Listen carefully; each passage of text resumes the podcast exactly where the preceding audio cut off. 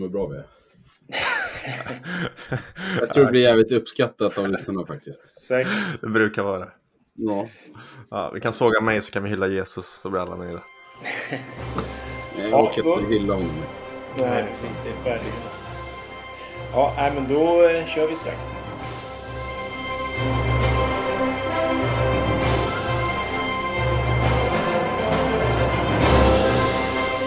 Jaha, ja, då är helgen över och det har blivit måndag igen. Det innebär ju travsnack med oss här på Spelvärde. Det är ju jag då, Jonas Norén, som håller i trådarna idag. Med mig har jag Rasmus och Kristoffer Hansson. Och ja, det blir inte jättejobbigt att prata om den här V75-gången, eller hur Rasmus? Nej, eh, det var ju såklart eh, kul att bör- börja, börja året på ett bra sätt. Eh, Särskilt roligt var det ju när vi höll på att titta på den här V75 under veckan och konstaterade att den var totalt iskall tyckte vi väl. Men, Ett av fem i betyg va? Så att ja, vi hade inga jätteförhoppningar. Nej, det var, ju, det var ju svårt att liksom motivera sig till att gå igenom, alltså jobba med loppen för att det kändes så hopplöst svårt att liksom få, få betalt på grejerna. Men där var man ju extremt snett på det kan man väl säga. Ja, men det gick ju bra ändå som sagt. Vad säger du Hansson? Ja, det har funnits sämre dagar att sitta och pr- prata podd. Det är Precis, värre när man får sitta och skämmas. Eller jag får Exakt. skämmas lite för det var jag som saboterade sjuan. Men, men vi får ju vara nöjda överlag. Verkligen. Vi börjar väl i V751. Jesus hade favoritkepsen på. Det gjorde han rätt i för att han spikade ju Santis Hilton och eh, ja, det gick ju bra, eller hur Rasmus? Ja, det gick ju bra.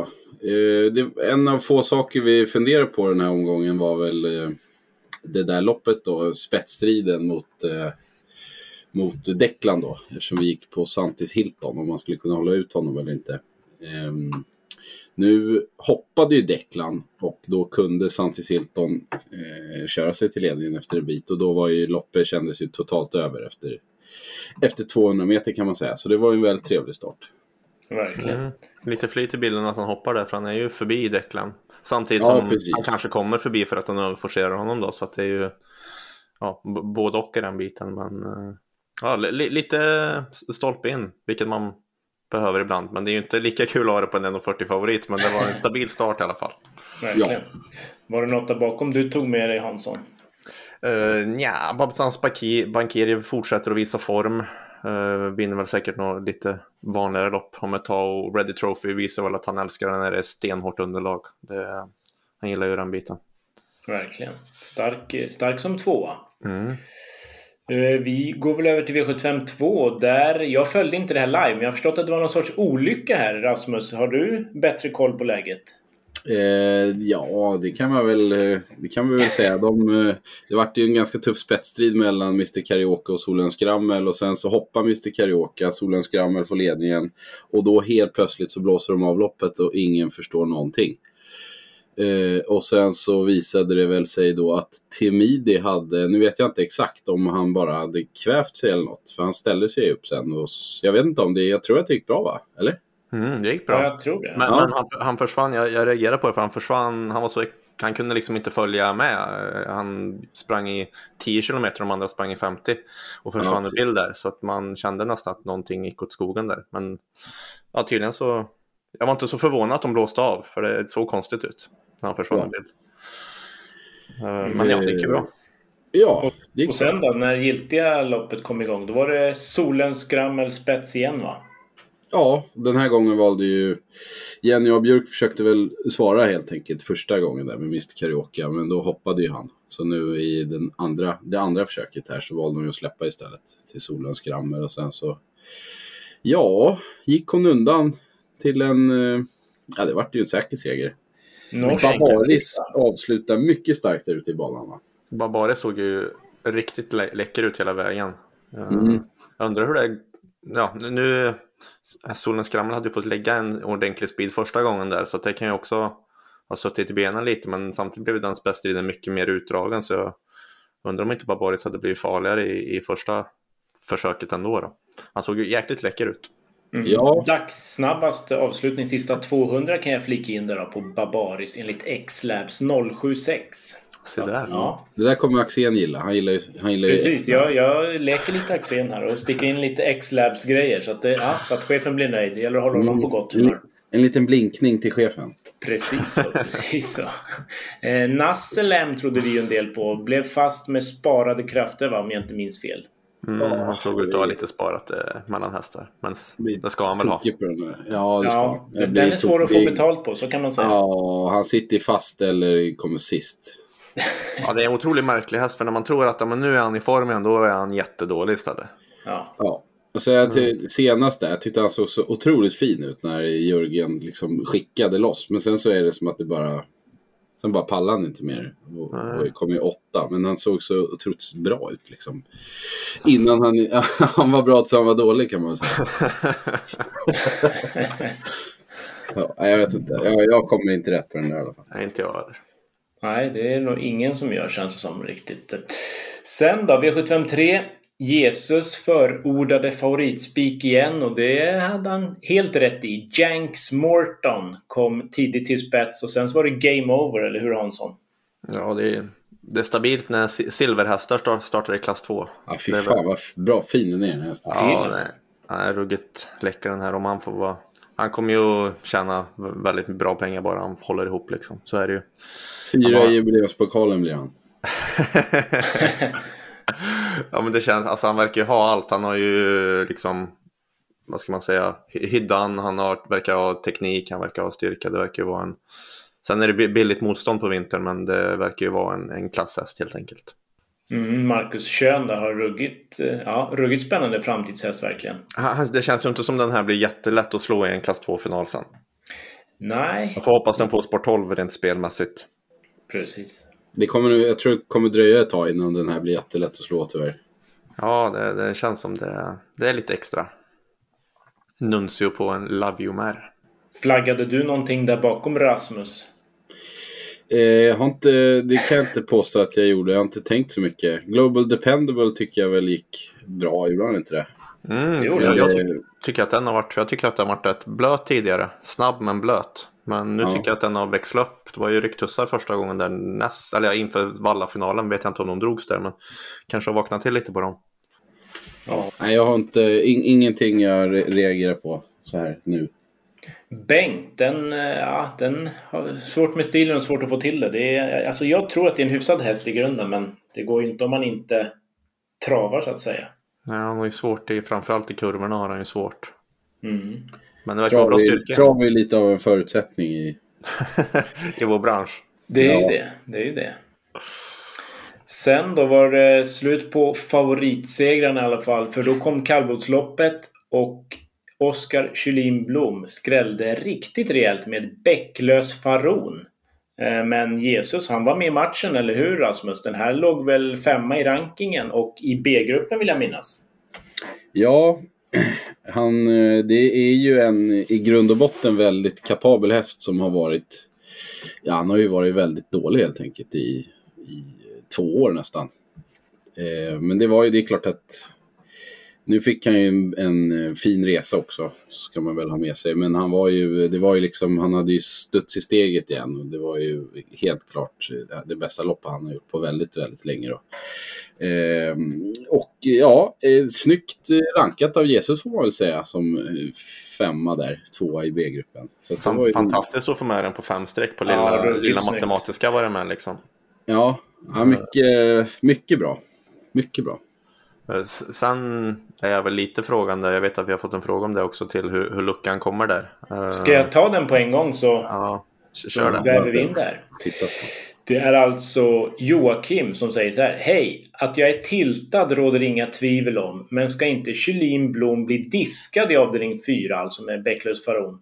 Ingen solklar bredsida, men Lennartsson bakom Soldhöjdens drake då får ju definitivt flytta på sin häst för att inte toucha hjulet på Bäcklös Faron. Hinner knappast fram om han sitter kvar och troligtvis håller Soldhöjdens drake farten bättre och ingen lucka uppstår. Vad, vad säger ni? Fria eller fälla? Gjorde domarna rätt eller fel? Nej, jag, jag tror att vår ja, mejlare här har extremt rätt. För jag, jag, jag kollade ganska, eller flera gånger på den här grejen nu under förmiddagen och jag förstår inte hur, hur den luckan kommer. För Soldagens Draka har benen där i Mm. sista sväng och sen så Ja men Kjellin Blom är där lite och där lite och där lite och sen helt plötsligt är han i tredje. Och så är Soldin Strake i fjärde, men han har fortfarande egentligen benen sida vid sida. Så, eller ja, inte sida vid sida, men där vid man vagnen liksom. Så att eh, ja, det, man har inte alla bilder, men jag tror inte att den luckan fanns. Nej, det såg, jag tittar på det nu fem gånger och det ser ju inte ut som att den luckan finns. Men det, det är svårt att se också för Len, det är som att Lennartsson flyttar ut exakt lika mycket hela tiden som Kjellin. Ja, exakt, det är ju det som gör så att är han där och liksom försöker trycka tillbaka honom då blir det ju så mycket tydligare. Men nu följer ju han liksom med i, i ja. tryckningen eller vad man ska säga. Precis. Uh, så den är ju ganska lätt att missa förstår jag också. Men när man kollar om på det så känns den solklar. Mm. Ja, det såg ja, väldigt lurigt ut. Frågan är, fick man se några bilder framifrån i liven mm. eller på tv tro eller? Jag vet inte ens om det nämndes. Jag, jag, Nej, okay. Men jag hade som vanligt inte, jag hade barn så jag smygkollade ja. min telefon. Ja, exakt. Den har man gjort någon gång. ja. Ja, ja nej, men då får vi ge Joakim, ja, verkar som lite rätt här. Han ja, hade ögonen med sig. Det, tror jag. det känns så. Även om jag har sett, jag har sett större skandaler har jag väl sett. Men det, rätt, det hade nog varit rätt att, att plocka bort den där segern tror jag. Ja, det här, ska man ta upp det här topp 20 skandaler senaste två åren då känns det som att det finns otroligt mycket grejer alltså. Ja, det, det skulle bli en lång podd. Ja, känns Men så. vi måste ju plussa för några grejer här. Dels Krusidull i, har ju varit en väldigt tydlig liksom, bike och barfota häst sådär tidigare. Men nu var han ju jätte, jättebra med skor och vanlig vagn. Och eh, Technojärven gick ju bra också ute i, ute i banan. Apropå hästar som är svåra att få betalt på. Ja, ja, verkligen. 17-7 sista 200 X-Labs eh, infliket. Mm. Var det på Tecknejärven? Ja. Mm. Ja, det var en fin punktmarkering han fick av Oskar J där i 1200 meter. Ja, det, ja, det är en ruggig häst men frågan är... Han det är så svår den där hästen också, för jag tycker att det är ja. ganska tydligt att han är liksom, alltså han är som allra bäst efter att han har galopperat, för det är som att då slappnar han av på något sätt. Mm. Annars tycker jag att han ofta springer och spänner sig lite grann och sådär, om man inte hoppar. Jo, nu, nu blev det perfekt, han, han stack liksom utan att riktigt galoppera och kom ner i position, så nu var det bara, ja, har han, är han inte punktmarkerad så kan han ju inte förlora. Nej, alltså han duger ju mot, uh, ja, han duger ju mot, det vore ju väldigt kul att se den där med någon slags någon slags bike och lite sånt där. Mm. Det är kul, han går, han går alltså 17 och 7 och då taktar han ur en bit på upploppet där så han, inte, han går liksom inte för fullt hela vägen. Nej, så det är ju, alltså det är en elit, resurser. Ja, det är en elithäst så det sjunger om det. Vilket han har varit sedan dag ett där. Det är en otrolig Fart talang. finns. Så kan vi säga. Brännrön där Rasmus, det är en här som du ändå har gillat en del förut. Kom till spets nu. Det, ja, du hade förväntat dig mer antar jag? Ja, det hade jag gjort. Även om jag inte... Jag gick ju på honom gången innan där i Bollnäs. Det mm. gjorde jag inte den här gången eh, personligen då. Men när han väl kom till ledningen så trodde jag absolut att han skulle hålla bättre. Eh, men det gjorde han inte. Jag vet inte varför, om han inte funkar på banan eller om det var för mycket brodd eller om han bara hade en lite sämre dag. Men eh, det är klart att han kan bättre än sådär. Så är det. Sen då Hansson, V75 V75 ska jag säga var du arkitekt över. Vi fick en jättesmäll igen då. Current leader 0,76 procent. Ryggledaren och slut. Fanns det här på mm. kartan? Ja, eh, han, var, han var ju en kandidat till ryggledaren och på speed är han ju vass. Så att eh, jag ska inte säga att på scenario sådär att han var att det var helt omöjligt att han kunde vinna. Sen så tyckte jag väl kanske efteråt att jag, jag landade lite fel på spetsstriden för att jag hade honom som som tredjehandare dit och då åkte han ju ner några för hack för långt ner i BC-gruppen då mot vad, om jag hade haft honom som favorit i hålet. Uh, så så var det med den biten. Uh, och sen så var han ju bra också. Han fick ändå en liten tryckare där av Gasparito för att, ja, för att behålla ledningen då innan han släppte, innan Emilio Leo släppte. Uh, så att sen så, ja, det, det, blev ju optimalt med att Keykeeper går ut och väldigt märkligt med varvet kvar och tar dödens, vilket var oerhört förvånande. uh, och det gör ju, ja, det, då, annars vinner han ju inte current leader.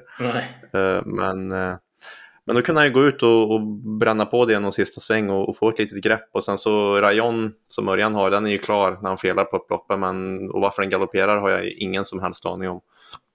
Nej, men, det kom väldigt plötsligt såg det ut som. Det var liksom inget som Ja, nej det, nej, det fanns ingenting och han skulle ju, om det var att han inte ville gå förbi egentligen, jag har ingen aning. Uh, För det var, det var ju extremt klart. Och det blev dyrt. ett- Det gör ju ett dunderlopp alltså, Rayon. Han får ju dödens långt bak i ja, ett och ett halvt varv och sen ut med en häst framför så att han får gå på först i tredje också. Ja, ja det var väl det jag, jag kände i det här loppet. För jag, jag tyckte att det här loppet var ganska kallt. Eh, och jag tyckte att Mellby Knekt, eh, att ja, han var...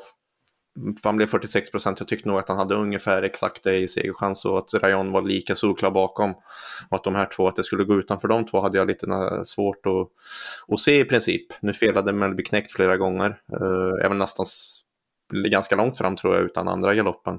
Och Rayon vinner trots ja, att egentligen allting blir fel då. Om man nu inte felar på upploppet så eh, fel, rä- rätt och fel i, i tankesättet. Jag borde väl ha väckt in galopprisken mer på Mellby Knekt där. Men ja. Och vi sätter ju sjuan med Rayon. Ja, vi sätter både lilla och stora. Så lilla hade ju blivit en väldigt fin peng på. Vad ger den med Rayon? Vet vi sånt? Uh, enligt Jokern är det 350 men det var ju, ger väl säkert lite mindre då. Men... Mm. Ja, det är ändå ruskigt surt. Får man säga. Ja, det var ju en andel där som plockade en himla massa av Mm. potten då. Så det sänker ju Det var en av de snyggaste lapparna jag sett tror jag. den andelen. Ja, Ja, alltså jag, har inte, jag, jag de har inte sett den. Berätta. jag har vad- inte sett. Nej, men Informera. han inledde med två spikar på eh, Santis Hilton och Solens Skrammel och sen hade han med de här eh, Bäcklösfaron och Current Leader på liksom, ja men det var liksom inte heltäckt i de där loppen utan, Ja, snyggt. ja det var riktigt, riktigt snyggt faktiskt. Ja. ja, men så det var ju, ja, eh, vad ska man säga? Det var, det var vad det var. Det blev väl okej ändå för oss. Vi fick ju få ju en skaplig sudd till slut ändå, men det hade väl inte skadat med Rayon. Det hade ju varit jättekul. Verkligen. Eh, sen då Rasmus, DD1, V756. Där klev du in i matchen. Eh, ja, det blev ju en rätt rejäl skräll här också.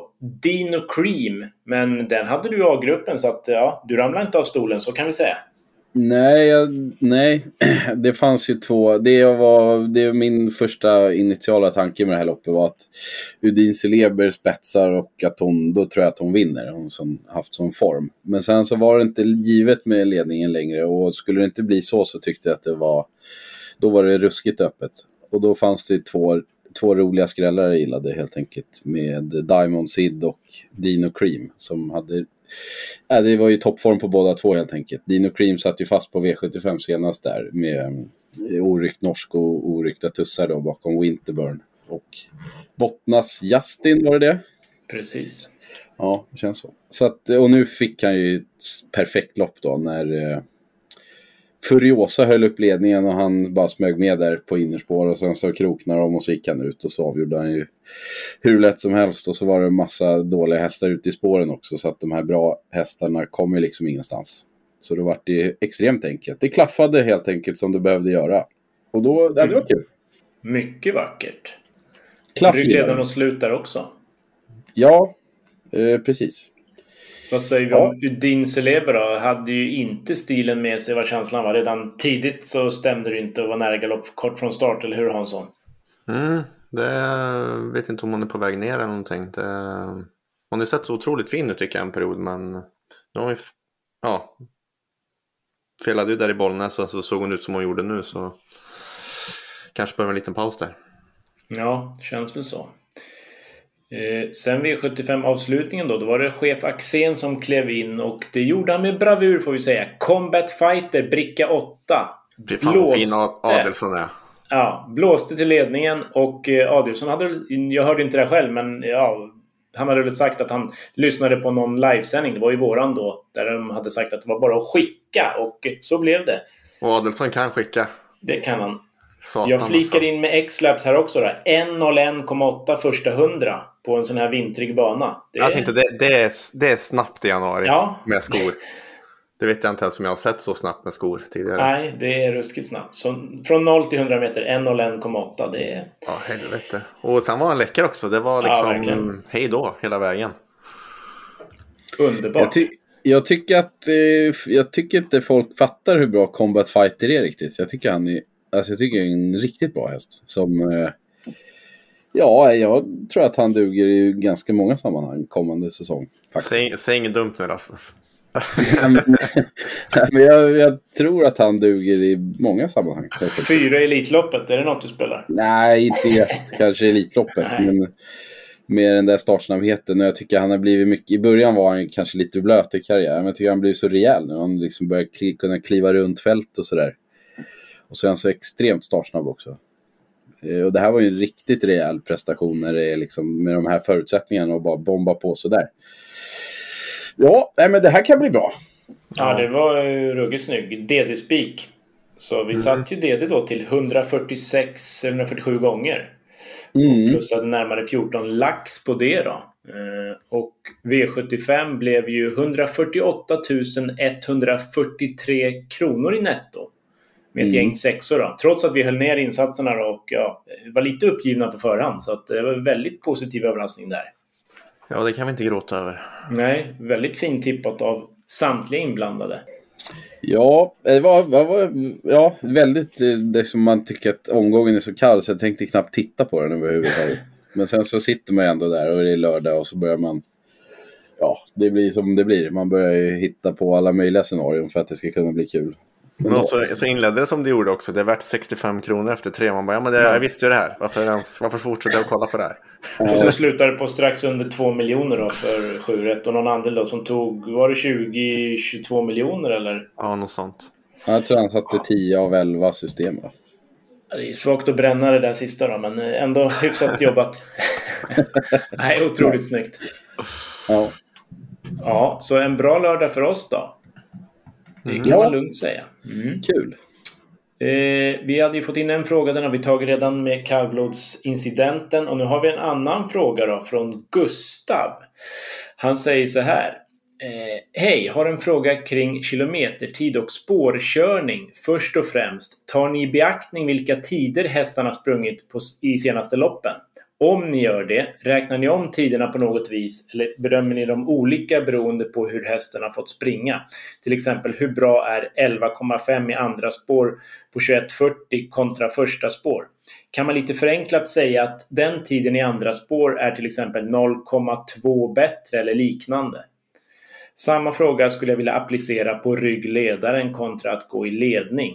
Hoppas ni kan tyda en aning luddig fråga. Tack på förhand. Vad säger du Rasmus? Har de kutat 10,5 på Färjestad? Är det något du drar öronen åt dig? Det är klart att 10,5 på Färjestad inte är 10,5 på Axevalla. Det är liksom olika 12,5 eller? Ja, eller 14,5 typ. Men, ja. eh, nej, men det är ju såklart olika saker.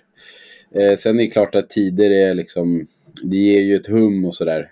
Eh, men sen måste man ändå titta på hur, hur hästarna ser ut. Och intryck och sådär. Men jag tar väldigt mycket, jag tar väldigt mycket, mm, tittar mycket på sådär vad de har gjort för, vad de har fått för resor och sånt. Om de gör något starkt lopp ute i tredje spår och sådär och sen nästa gång så kommer de kunna få en bra resa på innerspår istället. Det är, det är, skilj, det är många, många meter per kurva de sparar hela tiden. Som, som de kan utnyttja istället då, om de får en finare resa. Så sånt tycker jag är väldigt intressant.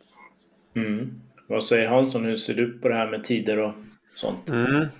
Jag vet eh, många som säger att tider inte spelar någon roll alls. Jag gillar väl tider överlag sådär samtidigt som det är inte så att ja, shit den här hästen sprang 12,5 i förra starten och den möter några som sprang 13,5 och den måste vara stenklar. Det är inte så det funkar.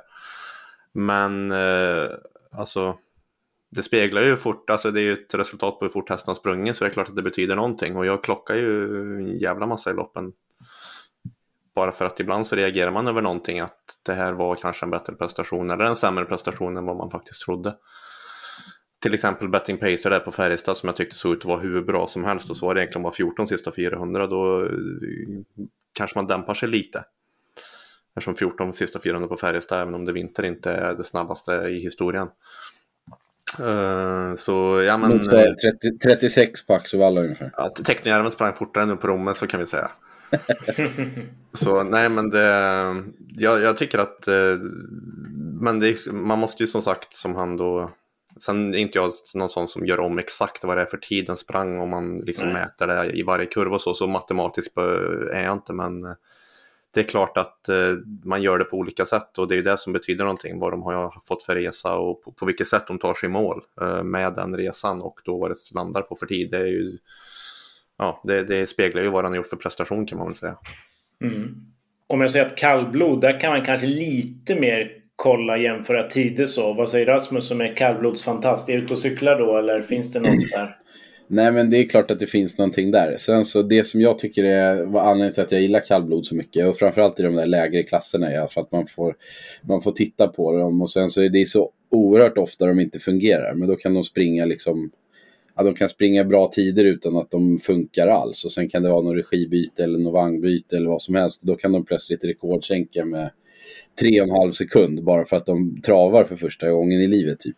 Kuskbyte har jag fått känslan av att du gillar på kallblod. Ja, kuskbyte. Det är så otroligt många sådana här lite amatörer typ i norra delarna av Sverige som tränar och kör sina egna hästar och sen första gången bara så sätter de upp någon proffskusk och det kan ju betyda så, det kan betyda så sinnessjukt många meter bara för att liksom att de ska få trava ordentligt och bara hålla dem på bättre typ. Då, springer, då är de ganska bra på att springa själv de här kallbloden om man bara håller dem lite, lite motiverade längs vägen helt enkelt. Mm. Ja, men det, samma, sammanfattat kan man säga att tider har en, det är klart har en betydelse. Ja, självklart har det det. Absolut, men, men som sagt inget man ska stirra sig blind på helt. Utan det är ju en av flera pusselbitar i den här svåra travets värld. Ja, jag tror inte du, du blir ingen miljonär på att spela på en tidsranking. Nej, det, det, det, borde man inte bli. Jag har inte provat i och för sig. Men... Inte jag heller, men jag är, jag, jag är lagd lite skeptisk då om vi ser så. Eh, sen då? Var det någonting som Rasmus ville nämna om Frankrike? Var det så? Ville du ta upp någonting med Redéns resultat? Viskades på stan? Ja, bara. Det går ju inte, det, det, går inte så bra helt enkelt. Nu har hästarna, nu har de gjort några bra prestationer och varit någon, kanske någon sämre styrning eller sånt där. Men det är ju bara att konstatera att eh, svenska hästarna har ju något fruktansvärt kämpigt med att, att vinna lopp där helt enkelt. Det är väl bara och det är ju så det är helt enkelt.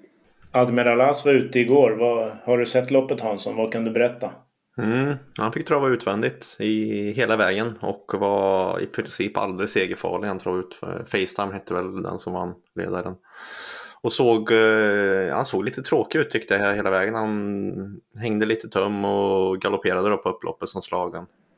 Mm. Så det var en det är väl inte jätteförvånande att Admiral As är så emellanåt, men det, det, det som jag noterat lite nu med Redéns det är att jag tyckte både Indy Rock och Admiral As var ju ruskigt fina i förra starten.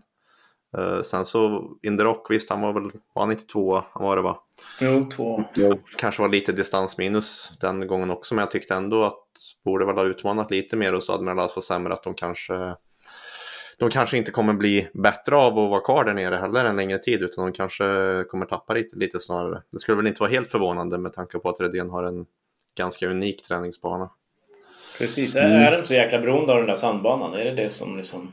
Ingen aning men det, det verkar väl så mycket som man har pratat om den sandbanan har man aldrig hört någonting, något pratas om mer om en bana i alla fall.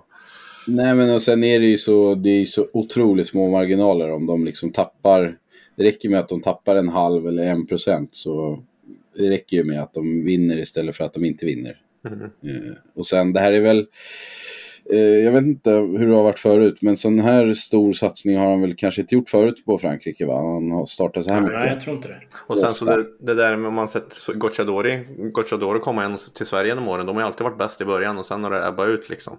Mm. Eh, det vore väl inte helt förvånande om det vore samma sak andra hållet och Gocciadoro har ju varit här i många år. Uh, Redén har väl precis börjat lära sig vad han ska göra där nere kanske. Ja, och det, det jag tänkte lägga till också var ju att Redén är ju allt annat än dum i huvudet i alla fall. Så han fattar ju liksom, eller han lär sig, kommer ju lära sig saker också hela tiden. Det är ju lite annorlunda med hur banan funkar och hur det påverkar hästarna och sådär. Så att han kommer väl skruva lite grann på träningsupplägg och sådär. Mm. Vet inte om hur mycket är, är han där nere hela vintern i princip eller åker han bara dit? Eller? Det känns som att han är där hela tiden tycker jag. Ja, det känns som att han är där mycket utan att jag vet det. Men... Nej, det är inte så att man... Det intrycket är att han verkligen ville satsa nu då. Ja. Då, då lär han nog... Uh, kan man ju räkna med att han kommer vässa upp kommande vintrar i alla fall. Ja, det, alltså, nu har som sagt, det är många hästar har ju varit fina och bra och sådär. Det har ju varit många dåliga styrningar som har gjort att resultaten inte har varit bättre. Men man är ju så liksom färgad av att han tokdominerar här hemma i Sverige och vi liksom, ja, vinner de loppen han vill vinna typ, han eller Nurmos. Och det, så, där är han ju inte i alla fall. Så kan vi Det är ju anmärkningsvärt hur, vad var det, har han en seger på 50 senaste eller vad är det? Ja, det, så var det väl. Ja, Exakt. Det ju- Örjan har väl typ inte vunnit sen... Nej, det, det, det är ju extremt, ja, det är extremt anmärkningsvärt liksom. Att, eh, Och, ja, men, och det intressanta är att han kommer ju så satans fel i loppen också. Det är liksom, han hänger i tredje eller kommer först och får släppa, han är sjunde in. Det är bara, han kommer bara fel, hela Mm. tiden. jag tycker också att det är intressant att man ser ju en massa svenska hästar vinna där nere fast som har gått i fransk träning istället. Ja. Till, till och med Crown Wise har vunnit på Vincennes. Det, det säger en del. Det säger faktiskt en del, för det är ingen, var ingen bra häst för, i Sverige för sin klass. Och så, ja men, eh, ja, Su- Soloas där som vi nämnde här i podden här om veckan. Som han, och, ja, men det är ju massa svenska hästar som vinner där hela tiden, men de är bara tränade av fransoser istället. Så det är inte fel på hästarna i sig direkt. Det är oss det är fel på. Ja, men det är väl något, det är någonting, något, något svårt där med att lägga om träningen kanske med alla backar och allt vad det är. ja, resan sliter ju säkert lite också, men det är ju, ja. Mm, Det är intressant följning i alla fall. Men spela svenska djur till 3,25 har jag gjort klart i alla fall på Vincennes. så kan jag säga. Ja, då får man nog inte 1000 i ROI i känslan. Nej, det har jag inte heller. Det där. Nej. Det är svårspelad bana. Mm. Ja. Ja, det känns som, de, de, när man hittar något bra, då är det de franska ekipagen. Ja, det var Frankrike. Jag tänkte vi kanske ska kika lite på V75 Kalmar. Tjuvkika lite. Jag har inte sett listorna. Har ni kunnat hålla er? Jag har inte heller sett dem Nej. Faktiskt. Då bläddrar vi till V75 som jag ser i guld då. Kan vi se om det finns något spännande där? Och det ser jag ju ganska snabbt att det finns ju lite spännande från bricka 8. Luleås Boko. Hmm. Får ni någon Ja, vad- spontan alltså, feeling? vad- Aetos Kronos är med. Ja. Hela guld var ju oerhört roligt tyckte jag. Väldigt roliga Låt hästar. höra. Alltså, hur, hur går tankarna? Ja. Nej men Eddyberg är väldigt rolig att se. Luleås Boko såklart och så Aetos Kronos tillbaka. Med Jeppson. Star och Leonardo med lite smygspår. Ja, det såg väldigt Stream, roligt det ut. är Sweetman i spetsläge. Mm, men här blir det väl Sweetman till ledningen eller? Ja, det ser det väl ut att bli. Ja, det brukar ju bli så. Han brukar inte... Man brukar inte släppa med honom heller. Han går ju bara i ledningen så. Så, okej. Döden för Luleås Boko då eller? Du tänker det med Jorma och Spår 8? Nej, inte brukar väl han ladda. Nu, nu gjorde jag en tankevurpa. Ja. Ja, jag, jag, jag ska väl säga att nu...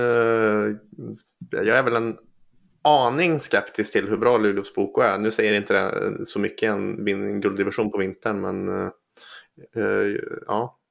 Jag vill bli övertygad innan jag kommer att tro att det är någon superstjärna. Ja, det vill man väl ändå göra. Att han ska lösa en sån här uppgift från utvändigt till exempel. Eller? Alltså han har ju Så- bara vunnit i princip och fått stryk liksom i, i derbyt där och var ju jättebra men eh, ja, ja Nej, hur, hur bra den är är ju väldigt svårt att säga ändå. det, man har sett eh, Nurmos hästar pika tidigt förr. Det har hänt. Mm. Eller hur? Alltså, har du hittat något annat i gottepåsen Kalmar? Nej, det vet jag inte om jag har. Eh, Jag tyckte bara det såg kul Nej. ut överlag sådär i loppen. Ta något spontant som du tycker ser kul ut i något annat lopp då. Bara så här. Ja, men jag gillar, gillar till exempel i V75 7 gillar jag de här uh, diamantstorloppen som de har börjat med med spårtrappa. Eh, och autostart. Jag tycker att de är väldigt roliga att fundera på. Eh, det skiljer så mycket pengar då mellan spår 1 och spår 12 och sen sätta in dem mot varandra. Jag tycker de brukar vara väldigt spelvänliga de där loppen. Det får man väl säga. Olga Utka, Lady Beluga, Erin Darling. Det är namn vi känner igen i alla fall. Mm. Ja, det ser kul ut. Och så ska Adrian ut med sin stökpolle Swish the Cash där över 1600 vid 753 klass 1. Oj, oj. Det är också en fråga för, eh, för någon att lösa. Precis.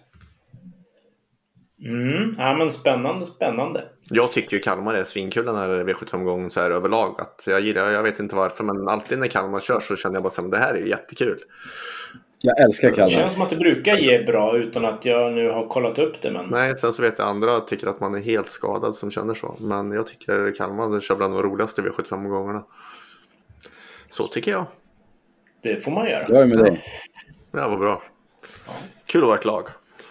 Mm. Men eh, ja, då är det väl bara tävling kvar. Förra veckan hade vi rätt svar Tangenhop. Och då är det Anders Burström som vi får gratulera som vinner veckans V75 material. Så att, eh, snyggt jobbat där!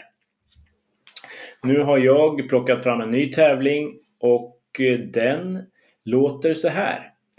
Import som imponerade på V75 ett flertal gånger under senare delen av 00-talet för en av våra vassaste tränare. Hade både speed och styrka och slutade bland annat tvåa i ett av de största loppen under Elitloppshelgen när det begav sig. Mm. Ja, en kul ledtråd även om det inte landade på någonting på plats. Kanske är svårt. Men det, det var en jäkla härlig häst som jag gillade så jag kom att tänka på den och då fick det bli så här. Var ju roligt. Mm. Ja. Och eh, tror man sig kunna det här då mejlar man in till tavling.spelvarde.se tavling.spelvarde.se Ja men kanon, då har vi nog sytt ihop den här måndagssäcken tror jag. Ja, men det har vi. Ska vi jobba vidare i arkiven och så vidare så hörs vi på fredag igen när vi snackar upp ett V75-lopp. Kalmar. Får ni ha det så bra tills dess då. Hej då!